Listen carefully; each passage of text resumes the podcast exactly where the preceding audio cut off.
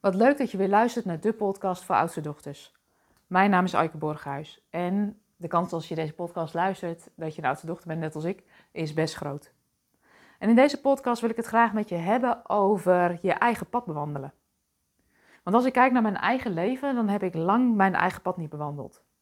En dat is niet zo gek, want je wordt beïnvloed door je context. Je wordt beïnvloed door het gezin waarin je opgroeit, de omgeving waarin je opgroeit, de school waar je naartoe gaat, de vrienden met wie je omgaat. Het vormt je. En als ik naar mezelf kijk, wist ik eigenlijk helemaal niet zo goed wie ik was en wat ik wilde. En daardoor maakte ik steeds logische keuzes vanuit mijn hoofd. En dat ging ook best een lange tijd goed. Maar op een gegeven moment voelde ik wel van, hé, hey, aan de buitenkant lijkt ik het allemaal goed voor elkaar te hebben. Maar van binnen voelde het af en toe best leeg. Ik voelde wel dat het knaagde, maar ik wist niet zo goed wat ik ermee kon. En als ik kijk naar mezelf, dan ben ik een paar keer flink gevallen, maar ook weer opgestaan. En het moederschap is voor mij een van die keerpunten in het leven geweest. Want op het moment dat je moeder wordt, ga je ineens jezelf afvragen: wat voor moeder wil ik zijn? Wat wil ik mijn dochters meegeven? Wat ik ze wilde meegeven is dat ze liefde waard zijn en dat ze hun eigen keuzes mogen maken. Maar als ik mezelf tegelijkertijd in de spiegel aankeek, wist ik dat ik dat zelf nog niet volledig deed. En wat ik ook wist, dat zag ik om me heen, is kinderen doen wat je doet en niet wat je zegt.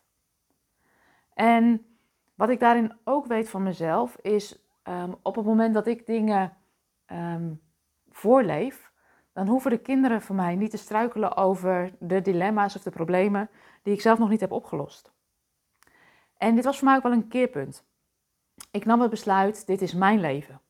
En vervolgens stelde ik mezelf de vraag, maar hoe wil ik dat leven dan eigenlijk leven? En als ik heel eerlijk ben, ik wist het echt niet. En dat is ook wat ik veel zie bij oudste dochters om me heen. Ze voelen wel van, hé, hey, weet je, er knaagt iets, er sluimert iets, ik zou wel iets anders willen. Maar omdat ze niet weten wat dat verschil is wat ze willen of wat, wat het dan wel is, komen ze eigenlijk niet in beweging. Als ik kijk naar mezelf, is dat voor mij het begin geweest van een zoektocht naar wie ik ben en wat voor mij belangrijk is. En in dat proces ontdekte ik dat ik mijn zelfliefde en uh, mijn gevoel van de, waar, de moeite waard zijn, haalde uit de bevestiging van mijn omgeving. Als anderen zeiden dat ik het goed deed, dan voelde ik me goed over mezelf. Kreeg ik die bevestiging niet, dan ging ik nog harder werken. Onbewust met het idee, als ik nog maar harder werk, dan zien ze wel hoe hard ik mijn best doe en dan krijg ik die erkenning wel waar ik zo naar op zoek ben. Toen ik dat ontdekte, besefte ik me ook, ik kan mijn eigen waarde, of ik de moeite waard ben, of ik van mezelf hou, niet af laten hangen van de bevestiging van anderen. Dat is levensgevaarlijk, want dan kan ik nooit mijn eigen leven leiden. Maar ja, met dat eenmaal weten, uh, was ik er nog niet. Want als je je eigen waarde af laat hangen van de bevestiging van anderen, wie ben ik dan nog als dat wegvalt? Mijn eigen waarde koppelen aan de bevestiging van anderen werkte dus niet. Maar wat werkt dan wel? En dat is voor mij het begin geweest van een ontdekkingsreis. Wie ben ik als ik me niet laat afleiden door de verwachtingen van anderen? Het was het beginpunt om me niet langer te laten leiden door de verwachtingen van anderen of wat ik dacht dat anderen van me verwachten, maar de reis naar binnen te maken. Te ontdekken wie ben ik? Wie ben ik en wat is voor mij belangrijk als ik me niet laat leiden door verwachtingen van anderen?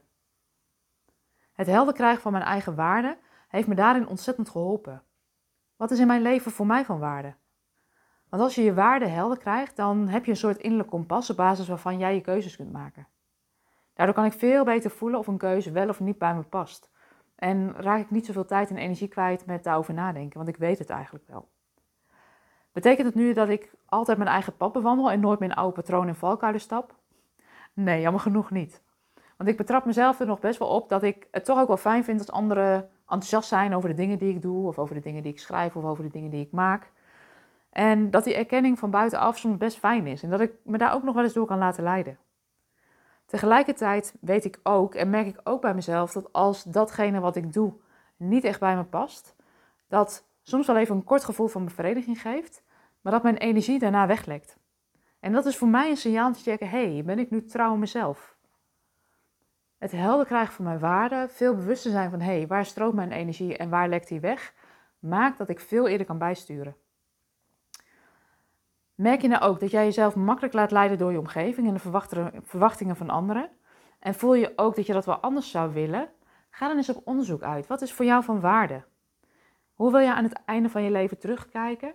Is vaak ook een hele waardevolle ingang om te kijken wat nou eigenlijk echt belangrijk is voor jou. Mocht je merken dat het nou lastig is om dit proces zelf te doorlopen, weet dat dat heel logisch is. Je draait namelijk vaak rondjes in je eigen gedachten en patronen. En ik denk dat het voor oudste dochters belangrijk is om te weten dat ze dit ook niet zelf hoeven te doen. Weet dat we je graag helpen. Het is namelijk een lastig proces om in je eentje te doorlopen, omdat je tegen je eigen blinde vlekken aanloopt. En dat ligt niet aan jou, maar het zijn gewoon blinde vlekken, dus je ziet ze gewoon niet. Mocht je nou voelen dat je ook je eigen pad wil bewandelen, dat je er nu klaar voor bent om daarin stapje voor stapje andere keuzes te maken, neem dan eens contact met ons op via de website www.oudstedochter.com en weet dat we graag met je meedenken. Wat belangrijk is, is je hoeft niet je hele leven overhoop te gooien. Je kan met kleine stapjes en kleine interventies vaak al het gevoel hebben dat je leeft. Dan heb je meer energie, je ervaart meer innerlijke rust, meer voldoening en dat is wat we je gunnen. Dus uh, mocht je voelen, hé, hey, daar zou ik wel wat in willen, neem dan gerust contact met ons op. De website www.oudstedochter.com. En verder wens ik je voor nu een hele fijne dag. Mocht je deze podcast nou interessant vinden, weet ook dat je je kan abonneren. Dan krijg je een berichtje als er een nieuwe podcast online staat. En uh, nou, dan uh, hoop ik je vaker te kunnen inspireren. Fijne dag vandaag.